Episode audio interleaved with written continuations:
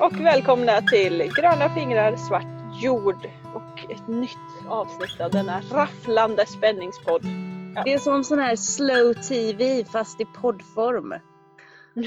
Den stora älgvandringen fast i omställningsförsök. Ja, kanske lite mer action, men typ så. Ja. Ja. Hur är läget Matilda? Eh, Läget är, eh, eh, jag ska försöka vara positiv. Så- Ja. Men eh, läget är egentligen ganska bra. Det, det är att jag är så himla trött på att vara sjuk. Men annars är det bra. Eh, I hear you där. Mm. Alltså jag har ju gått med det här liksom småkli halstjafset i vad är det, fem veckor typ snart. Mm. Eh, och jag börjar, vissa dagar är det borta och sen så är det tillbaka och jag börjar bli jävligt urless på det också. Mm. Eh, men så är det. Hur mår din trädgård? Alltså min, eh, min trädgård har, eh, har fått en liten makeover. Va? Aha. Det händer Den har- grejer. Den har tinat nu antar jag för jag har snart Mm. åtta grader i jorden. Ja, jag har inte mätt. Men den är, den är tinad eh, och den har, den har fått eh, ny, ny inredning. Eh, jag, ja, jag har ehm, eh, dratt hit eh, eh, 24 nya pallkragar. Härligt! Eh, och jag gör dem som dubbelpallkragar, några trippelpallkragar. Så det är 11 stycken nya platser. 11 liksom dubbellådor eller så, eller trippellådor. Eh, och de håller jag på nu och fyller upp. Det är liksom helgens mål. Fylla de här lådorna, för det går ju åt så otroligt mycket material. För att fylla Det gör det. det. Det går åt mer material än vad man tror. Ja. Så ska man ju säga. Mm. Eh, Men det är kul. Så nu får jag ju väldigt mycket rensat. Alltså, basen i den, den här fyllningen är fjolårsgräs, gamla löv, kvistar, pinnar, sånt. Dött och sprött höll jag på att säga. Sånt eh, slänger jag i. Härligt! Jag väntar på ett lass hästskit. Oh. Ja, av våran, eh, en av våra grannar. Kommer Har de med ju hemleverans liksom? Det kommer med hemleverans. Jag vet inte hur mycket men han skulle köra upp ett lass och det kan ju vara allt från en liksom eh, skopa, eh, alltså storlek mindre traktorskopa, Mm. till flera kubik på hans vagn. Så Jag vet inte. Och nu är den andra grannen här och kör. Hör ni att det brummar i bakgrunden? Nej, jag hörde något nyss Nej. men det var inget. Ja, Nej, nej men vad bra. De håller på att rensa sten i Småland. ja men då, då har de att göra ett tag. Det har de verkligen. Ja. ja, men vad spännande med en makeover i trädgården. Var ska du, vart står de någonstans? Var får du plats med dem? Vart, eh, vad ska du odla? Vad, eh, ja. Oj, så många frågor. Nej men eh, de står eh, där klädvindan stod. Eh, Ja. Den har vi rivit ner. Jag har ett, ett, ett, ett perennland och så mellan perennlandet och eh, huset, eh, där har jag Mm. ställt upp dem. Eh, för det är den enda platsen som var kvar som var någorlunda solig och ganska platt. Ehm, så, så där eh, har jag pallrat upp dem. Ehm, vad som ska odlas där i eh, är inte riktigt bestämt än. Jag har en del som måste ut nu snart. Typ lite, lite bondbönor. Jag vet inte om de ska få vara där i eller om de ska få vara på friland. Men, eh, men lite lök ska vara där i alla fall. Men Mm. vänta här nu. Eh, Begreppsgrejer här. Eh, Ja. Tycker inte du pallkragsodling är på friland? Eller Alltså, vart? Ja, förlåt alltså, men jag, jag tänker när jag beskriver min odling så är det Mm. växthus och sen är allting annat är friland oavsett om det är i pallkragar eller allt som är under bar himmel är friland. ja, nej, jag, Är det nej, så? Nej, jag, jag håller med dig till viss del. Men det är ju utomhus. Eller så, det är ju inget skydd på. Så på det sättet skulle man väl kunna säga att det är friland. Men jag ser det ändå som nej, jag ser det som att det är Eh, Ja. Att det blir något annat. För att både att det är upphöjt. Och, alltså friland för mig det är bara det som är direkt i backen. Möjligtvis upphöjda bäddar kan vara friland. Men annars Ja. så är det inte. För, för att friland tycker jag är så jävligt. Så jag vill inte Ah. att det ska vara det. ja. Men jag tänker att jag odlar ju nästan bara på friland i upphöjda bäddar och vissa av de upphöjda bäddarna har också ramar runt sig. Ja. Så, tänker jag. Men det är väl, man får väl tolka och säga vad man vill. tänker jag. Ja, ja precis. Nej, ja. Mm. Mm. Ja, skitsamma, parentes Mm. över ordval. Mm. Ja, men det, det, jag blev förvirrad idag för jag gjorde en liten visning på Instagram. Eh, där de undrade vad jag kallsår nu för blommor.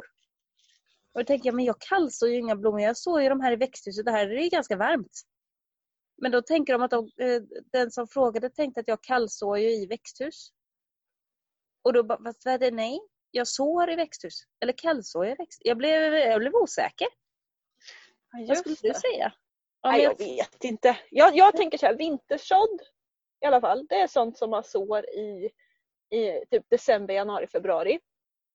Mm. Höstsådd är sånt som man sår liksom i september, oktober, november. Mm. Eh, och sen tänker jag att resten sår man ju bara. Det är ju liksom bara eh, direktsådd eller förkultivering inne. Jag definierar inte det mer än att man liksom från och med mars och framåt så sår man bara liksom för kommande. Mm. Det är inget speciellt. Nej, och antingen så sår man det försår man det, liksom. alltså sår man det i krukor Ja. eller på något sätt, eller så sår man det direkt på platsen. Att Ja, och an-. Precis, och då är det antingen sådana som kan gro ute eller ligga i frusen jord och sådär. Mm. Eller ska stratifieras och sånt. Eller också är det där man sätter inne. Med Mm. värmemattor och hela den Mm. liksom, processen. Mm. Eh, Så tänker jag. Eh, Jag förenklar det så i mitt liv. Mm. Jag bara. Ja, du, bara sår. Mm. Ja. Mm. Ja. Men spännande med pallkrags, eh, ja, pallkragsodling och ännu mer. Hur mycket yta har du nu? jag vet inte. Jag har inte räknat. Nej. Jag skulle tippa på 400 kvadrat kanske. Kanske. Med gångar. Ja, jag tror det. Mm. Men jag vet inte. Jag får nog räkna igen. får jag Mm. nog göra. Eh, osäkert. Jon han har börjat ju um, ockupera taket också. Och ska odla på taket. Ja just det, han odlade majs där förra året va? Eh, gick och nu, har, nu har han något plan om något slags stegsystem. Så det ska odlas i nivåer uppe på taket. Eh, och ja, jag vet inte. Jag tänker låta dem hållas. Jag har sagt det ska, det ska inte locka upp barnen på taket i onödan. Eh, ingen får trilla ner från taket och taket får sönder. Sen får du göra vad du vill. Bra, rikt, bra ramar. Jag tycker det. Tänk om Ja. han ändå sätter en massa jordgubbsplantor och sånt där uppe så att barnen vill vara uppe och klättra vid Åh. nocken. Och jag typ, men åh, sätt dem längst ner i Men- alla fall. Ja men då kan ju han bara ta och skärpa till sig. Men känner jag. Säg, säg det till honom du och se om du får genomslag. Jag hade en annan kompis som vi diskuterade en sak och hon, eh, ja skitsamma. Det slutade i alla fall med att hon bara, alltså du får ursäkta mitt manshat men det här var såklart män som gjorde så här. Och jag bara så här, alltså det, det kallas inte manshat, det är att vara realist. Att se liksom beteendena här. Men ja, parentes. Mm. Mm. Nu kommer vi få jättemycket sura kommentarer. Ja. Ja. Eh, ja men okej. Jag, jag har grävt färdigt i min trädgård. Grävt färdigt forever and ever. Eh, nej gud nej. Jag har ju jättemycket kvickrot och det måste man ju typ gräva upp Mm. eller tä- tä- typ täcka i fem år och det har jag inte lust att göra. Eller jag kan inte täcka med, med plast i fem år. Liksom. Då har jag ingenstans att odla. Mm. Så att jag har grävt färdigt för i år och jag har ju inga planer på att gräva om eller förändra strukturer eller bäddformer eller så nu. Eh, Mm. Och det känns eh, jätteskönt. Och nu när jag precis sa det här så kom jag på att jag har faktiskt två bäddar som jag funderar på för att flytta. För att det är så jävla mycket ogräs och jobbigt att klippa och hålla ordning runt omkring där. Ja. Eh, men det, de är så små så det är typ inget. Nej. Eh, vi räknar bort dem. Mm. Och det känns jätteskönt. Nice. Ja, så nu nu ska jag så, så in i helvete. Jag försökte vila häromdagen och bara njuta av mitt färdiggjorda jobb. Mm. Och eh, kunde äta en glass och sitta still på trappan när barnen sov och var borta och lekte hos kompisar i ungefär fem minuter tror jag. Eh, sen kunde inte jag sitta still längre utan gick och fyllde brätten med jord. Så att jag har fem, sex brätten som står redo för bondbönor och sallader och betor och massa goda saker. Gött! Ja, Mm. det låter nice. Ja, det känns fint. Mm. Är det bondbönans år i år? Det är alltid bondbönans år tycker jag. Eh, men det... Jag trodde det skulle vara potatisens år i år. ja, Eh. eftersom att alla hamstrar, eller vet du det, bunkrar nu med coronan och så. Ja, och för att eh, nu påskhelgen så kom det ut eh, potatisupproret. Startade den 11. Eh, och det, det är ju någon eh, liten förening som heter Närjord i något, ah, kommer inte ens ihåg i vilket landskap de höll till, så, så insatt är jag. Mm. Men som startade, det är typ ett historiskt datum. Det har varit bröduppror och potatisuppror genom historien detta datum när det har vankats svält och kris och krig och Mm. sådana saker. Eh, så nu har de startat potatisupproret som eh, existerar för att eh, sätta fokus på vår dåliga självförsörjningsgrad och på hur ohållbart vårt livsmedelssystem är. Att, eh, att tonvis med potatis eh, liksom ska ruttnas bort för att det inte får säljas som utsäde på grund av regelverk. Och för att det är liksom för ful potatis för att få säljas till livsmedel. Men ändå fullt ätbar potatis. Mm. Och, sådär. Eh, och att eh, de har även upprättat någon form av krisplan för hur vi ska hantera den kommande matkrisen och vad vi borde göra på politiskt håll för att eh, få fart på självförsörjningsgraden i Sverige igen. Jag tycker det är skitspännande. Jag är inte jätteinsatt för att jag har ju grävt. Jag har inte haft tid att sätta mig in i saker och ting. Mm.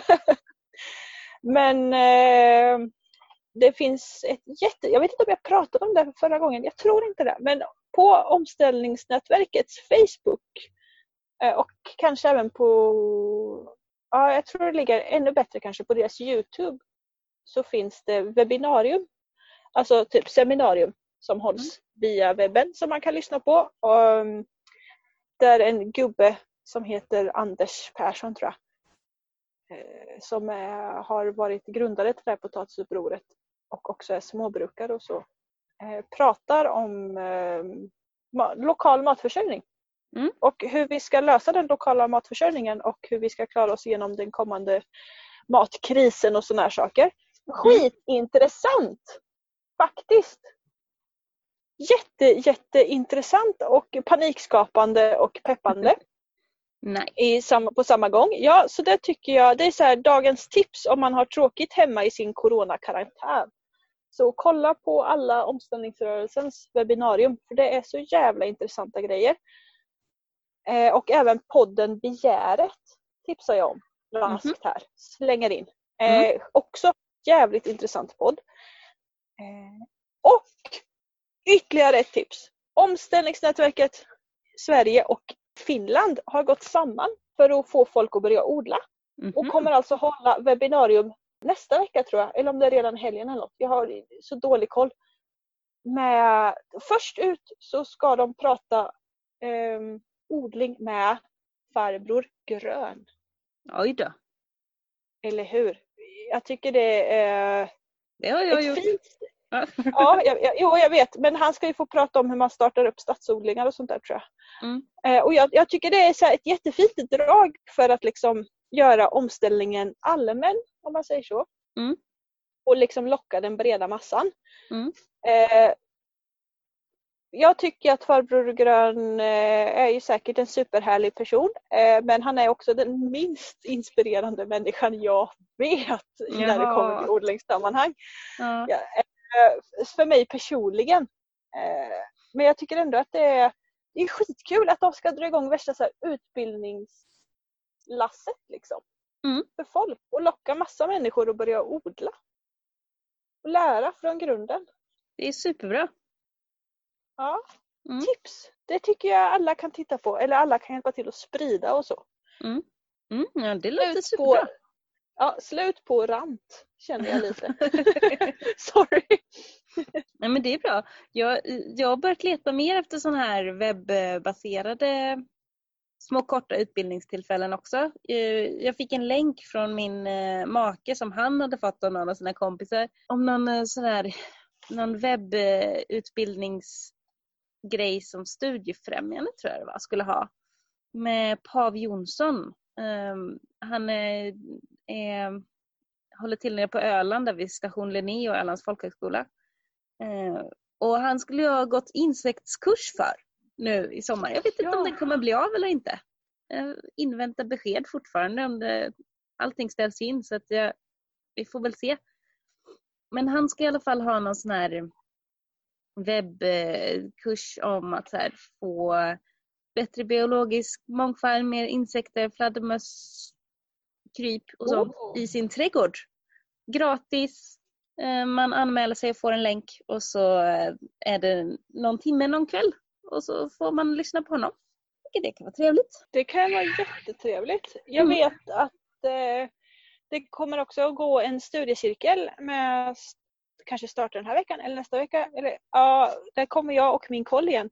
Eh, om omställning och oro i coronatider. Om man känner Ja. att man liksom inte riktigt vet hur man ska hantera den här med framtiden och, och hela virus och klimatförändringar och all den oron så håller Omställningsbyrån, eh, vilket är en, en annan omställningsorganisation än Omställningsnätverket. Eh, I alla fall, de, Omställningsbyrån håller i den här eh, studiecirkeln som sker helt online via videoträffar. Mm. Eh, och det tycker jag kan vara väl värt att investera lite tid i. Om man känner att man är orolig och behöver kanske både ventilera, ventilera oron och känslor och eh, få verktyg för att hantera. Mm. Vi får lägga ut lite länktips eh, som vanligt efter det här poddavsnittet släpps. Ett Ja. sista då, en sista till Mm. grej. Att nu, nu måste jag kolla för säkerhets skull så att jag säger rätt datum. Men det är en sån här, inte så, alltså du vet så som eh, kanelbullens dag eller sån här. Det kommer ju dagar som liksom är återkommande. Ja. Och den 22 april, eller nu på onsdag, då är det Moder Jords dag. Ja! Woho! Ja, det är Eh. ju så fint. Då måste vi göra någonting. Då måste vi göra någonting. Så att eh, alla som, eh, som vill hitta på någonting Moder Jordigt, Moder Jords dag på onsdag. Jag vet inte riktigt vad det skulle kunna vara. Det är väl ingen som organiserar det direkt utan bara gör något schysst. Krama ett träd. Jag tänker, ja krama ett träd, eller liksom bara klappa lite på jorden. Och det kanske kan vara, alltså jag blir så här, åh, vi borde klappa lite på jorden och säga förlåt. Liksom. Mm, Lite så känner jag. mm, Att det är kanske det man, man skulle faktiskt göra. Och eh, inte förglömma att sprida det på sociala medier säkert då. För att det ska Mm. få någon form av genomslag. Men det är jättefint. Det, fin- Något det sånt. finns en, eh, en workshopövning mhm, som handlar om när, när det kommer till att så här, få ökad naturkontakt och inre omställning och så. Mm. Att eh, man ska skriva ett brev till Moder Jord. Schysst. Mm. Tror du de Det är ju... Nej, men det är väl kanske mer för att sätta pränt på sina egna känslor och tankar än för Mm. att eh, Moder Jord ska läsa det. Det har du rätt i. Eh, och, ja, och vill man då kanske... Det, jag tänker att det kan väl vara en jättefin grej att kanske skriva ett sånt brev och, och ge det till Moder Jord. Ja, Ja, det vore om, bra. man inte vill, om man inte vill dela det med alla så kanske man helt enkelt bara kan skriva ett brev till Moder Jord och, och gå och gräva ner någonstans i jorden. Mm. Mm. Det låter bra. Jag tror Mm. att jag ska ta då och fika den dagen ute. Eh, lägga mig på ett liggunderlag, titta upp på himlen, kolla på molnen en stund. Och tänka Mm. lite på att eh, man faktiskt är en del av helheten. Eh, Ja, och hur häftigt det är. Ja, det är faktiskt jättehäftigt. Mm. Ja, ligga där och känna hur man, eh, hur man rotas kanske. Man kan ju tänka sig hur man, hur man som människa och del i allt även Ja. Nej, alltså jag ska inte spåna iväg mer på såna här djupa grejer. Jag känner Men jag kan tänka så ibland när jag står i, på, i marken liksom, hur, hur man har så osynliga rötter som gräver sig ner på platsen man står på. Liksom. Från fötterna så, så växer det ner eh, rottrådar liksom, och så blir man en del av, av allt man har omkring sig. Mm. Ja, jag brukar tänka det när jag är ute och, och cyklar ibland på de här grusvägarna som är runt omkring. Och så har jag ju koll bakåt i tiden för alltså min släkt har ju bott här och runt omkring här i, ja men i, alltså i alla fall sedan 1600-talet, så långt bak som man kan forska liksom om man inte är adlig eller så. Och det känns så fint då att liksom, men den här, den här lilla ängen, där kanske de hade boskap eller där kanske de bodde eller här gick nog de eller sådär att man kan se det generationer bakåt att det här har varit ens, ens vardagsrum på något sätt, ens plats. Mm det får mig att känna mig lugn och trygg. Att det är en plätt på jorden liksom. Mm. Och att de har ju faktiskt överlevt genom mm. väldigt svåra perioder i mänsklighetens historia på den här Precis. plätten. Och då kommer ju vi förhoppningsvis också göra det. Mm. Lite, när vi flyttade hit så släktforskade min mormor eh, mm. en hel del. Och det visar sig att vi är ju bördiga, inte precis härifrån, utan ungefär en och en halv mil härifrån mm. eh, har vi släkt på 1600-talet som sen har vandrat mot Vätterns kust och upp i Östergötland och sen har vi liksom vänt ner igen så att cirkeln nästan har slutits. Mm. Rent geografiskt och det tycker jag var lite, lite coolt på något sätt. Liksom. Mm. Det har ju stor betydelse vad man känner för en plats tänker jag, hur, hur man mår som människa. Att man behöver känna sig rotad på en plats. Mm. Ja men så är det. Och även om jag ofta eh, svär över eh, den här norrsluttningen och sänkan och köldhålet som jag bor i. Så är, är det ändå, men det är min plats liksom. Det är skönt. Mm. Det är hemma. jag, är, jag är ganska glad över att jag inte bor i det där köldhålet du bor i. Ja. Eh, och jag känner ändå så här, eh, alltså jag, jag, har beställt hem växter, plantor. Ja. Eh, utan att bry mig jättemycket om att kolla på zon och härdighet utan mest bara så här, nej men vi hittar väl på något. Liksom. Mm. Eh, vi knäcker zonen här såklart. Eh, jag tror ju att om du odlar i zon 4-5 ja. så tror jag att jag har zon 3-4 för att vi har också så jävla torrt här. Och jag, mm. eh, jag upplever det mycket längre också hos er. Alltså er, ja. mikroklimat är mycket bättre. Ja precis, att vi har sol i stort sett från att den går upp till att den går ner på mm. hela mm. eller delar av tomten. Mm. Eh, och vi har väldigt lätt sandjord vi har det ganska torrt generellt och jag upplever ju att det är ofta fukten, att det fryser sönder som är mm. problemet mm. när det kommer till, till härdighet. Så, så att jag har beställt hem två stycken olika sorters vinrankor. För att vi vill ha vindruvor. Ja. Eh, och, och, då körde ju inte jag på de här gamla tåliga varianterna som är erkänt härdiga och sånt utan jag tog ju på de som verkade godast. Smart. Eller hur? Ja. Så att de är på väg hem till mig och jag ska försöka lösa det här. De är ju klarar typ, ja men det är lite diffust. Jag har ju beställt dem från Finland och mm. där klarar de zon 2 till 3. Och det är ju inte riktigt samma som de svenska zonerna. Mm. Utan den motsvarar ju svenska zon 3, 4, kanske 5. Kanske. Ja, men då är det inte osäkert. jättefarligt. Är det inte. Då är du inte helt ute och cyklar. Nej, det, det, är inte bara så här överlever endast i zon 1-plantor i alla fall. Nej. Eh, men det är lite på gränsen kanske för någon av dem. Eh, men jag tänker att det, det löser vi såklart ja. mot, mot, med lite vindskydd mot en södervägg. Och, eh, men sen läste jag det här att vinrankor vill ha surjord. Mm. Det har jag aldrig, så, så mycket har inte jag satt mig in i den odlingen. Nej. Så det var helt nytt för mig. Alltså jag, vi har ju några vinrankor här hemma. Eh, och det enda Mm. vi har tänkt som är liksom eh, special med våra vinrankor det är att vi sätter rotsystemet utanför växthusen. Och sen så leder in dem i växthusen. Mm. Så att eh, eh, de ska kunna ta åt sig mycket fukt och näring och sånt utanför växthuset. Där det är fuktigare, kallare. Men täcker ni med, med granbär och sånt där? Eller hur tänker ni med surjordsbiten? Eller får de jag, bara bara, liksom... jag har bara struntat i det och det funkar. Okej. Ja. Ja. Mm. Ja, men jag tänkte, våran bästa södervägg är ju också vårt mest kvickrotsinfekterade område. Som Mm. jag har täckt med markduk och flis.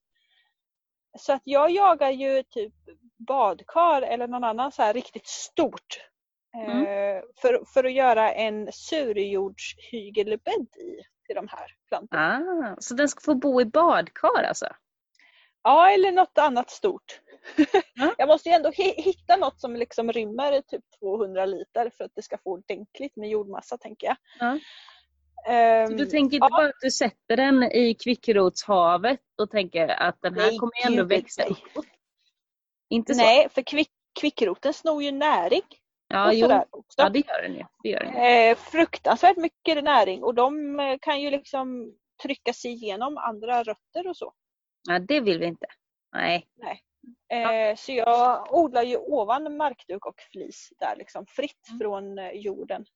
Mm. Och då tänkte jag att då gör vi såklart någon form av surjordshygelbädd där. Nu, nu när vi har hur jävla mycket småländska gran omkring oss som helst. Ja, men det låter bra. Ja, jag ska göra likadant med lite amerikanska blåbär. Tänkte jag också.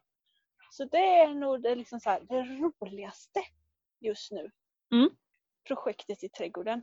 Faktiskt. Jag tycker det ska bli skitkul att försöka zonknäcka och få fram riktigt goda vindruvor och, och sådär. Mm. Och bygga badkarshygelbäddar. Och så. Får du tag på några badkar då? Ja, ja. Det är väl, det är väl en antingen eller fråga. Antingen får man tag på ett badkar eller så får man inte tag på ett badkar. Det är inte så att du får tag på ett handfat. Eller en bidé. Alltså, jag har fått tag på ett badkar. Jag vill ju ha två.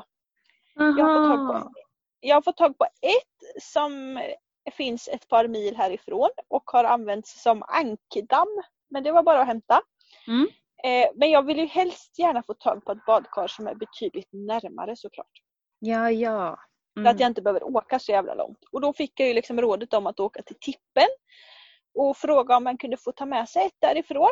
Mm. Eh, och då är det ju problemet ett, vi har ingen bil som rymmer två badkar.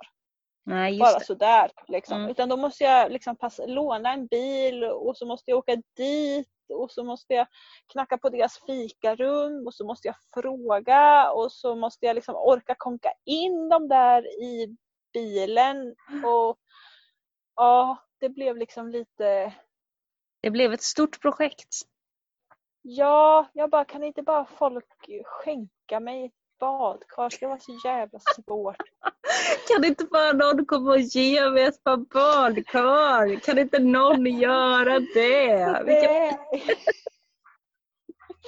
Ja men vad fan det står ju hur jävla mycket badkar som helst här i alla hagar och grejer som de har till att vattna sina kossor med och så. Ja, det används ju. Ja, ja jag vet att de används så men det visar ju på potential. Det småländska höglandet har sina gamla badkar. De finns här. Det här är de gamla badkarens mecka. Det är liksom, och jag menar det brukar ju ligga massor med dem på tippen också och då tänker jag att någon jävel som just nu ska slänga ut ett badkar, eller helst två jävlar då som just nu Mm. ska slänga ut och renovera badrum, borde ju se mitt eftersökningsinlägg på Facebook och Mm. bara, jo men det är klart att vi skänker henne ett badkar. Vi kan köra hem det till och med när vi Mhm. ändå ska ut och åka till tippen. Eh, men nej, så är det inte. Nej. Ja, det kanske kommer. Det kanske börjar regna badkar från himlen så snart. Ja, jag såg att man kommer vara så här jätte, fula i så här turkost eller någon konstig grisrosa eller något. Från någon Med små lejontassar. Ja fast lejontassar skulle inte göra med något.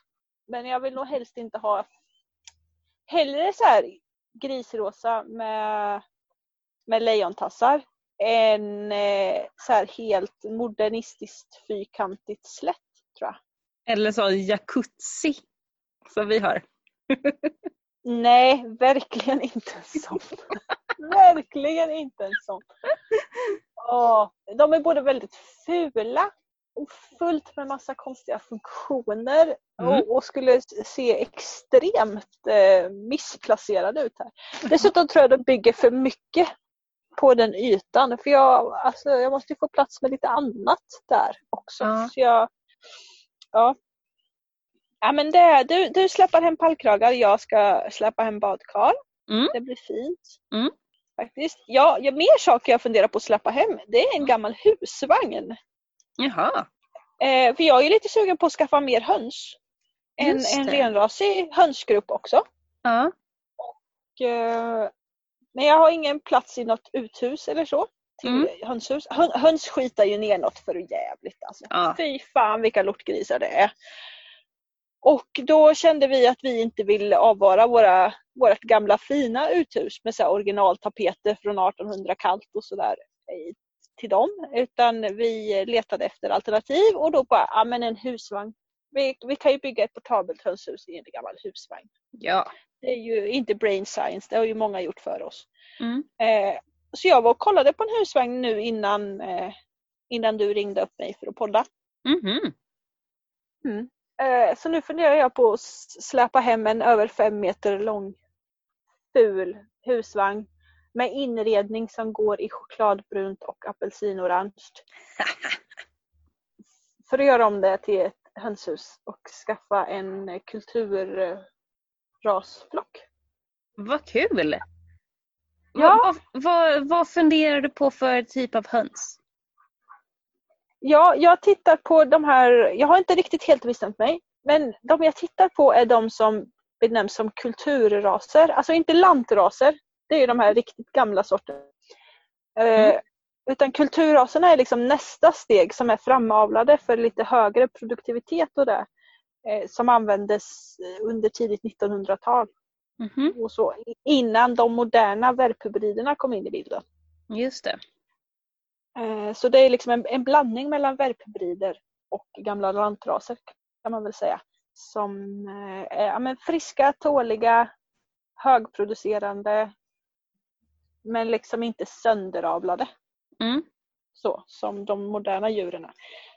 Så det går jag och grunnar på. Jag ska ju bara besluta mig för om jag vill ha den där stora fula husvagnen stående i trädgården och om jag liksom har tid och energi att riva ut all, all den här orangea och, och bruna inredningen och göra ordning det till ett, ett okej hönshus som är Alltså jag, jag vill ju ha lättstädat. Det är ju lite det det faller på också. Jag vill ha Mm. hönshus som är lätt att hålla rent där man kan liksom bekämpa ohyra och sånt där enkelt och smidigt och minimera risken för ohyra generellt. Mm. Mm. Men eh, känner jag mig själv rätt så kommer jag väl inte kunna backa. Nej.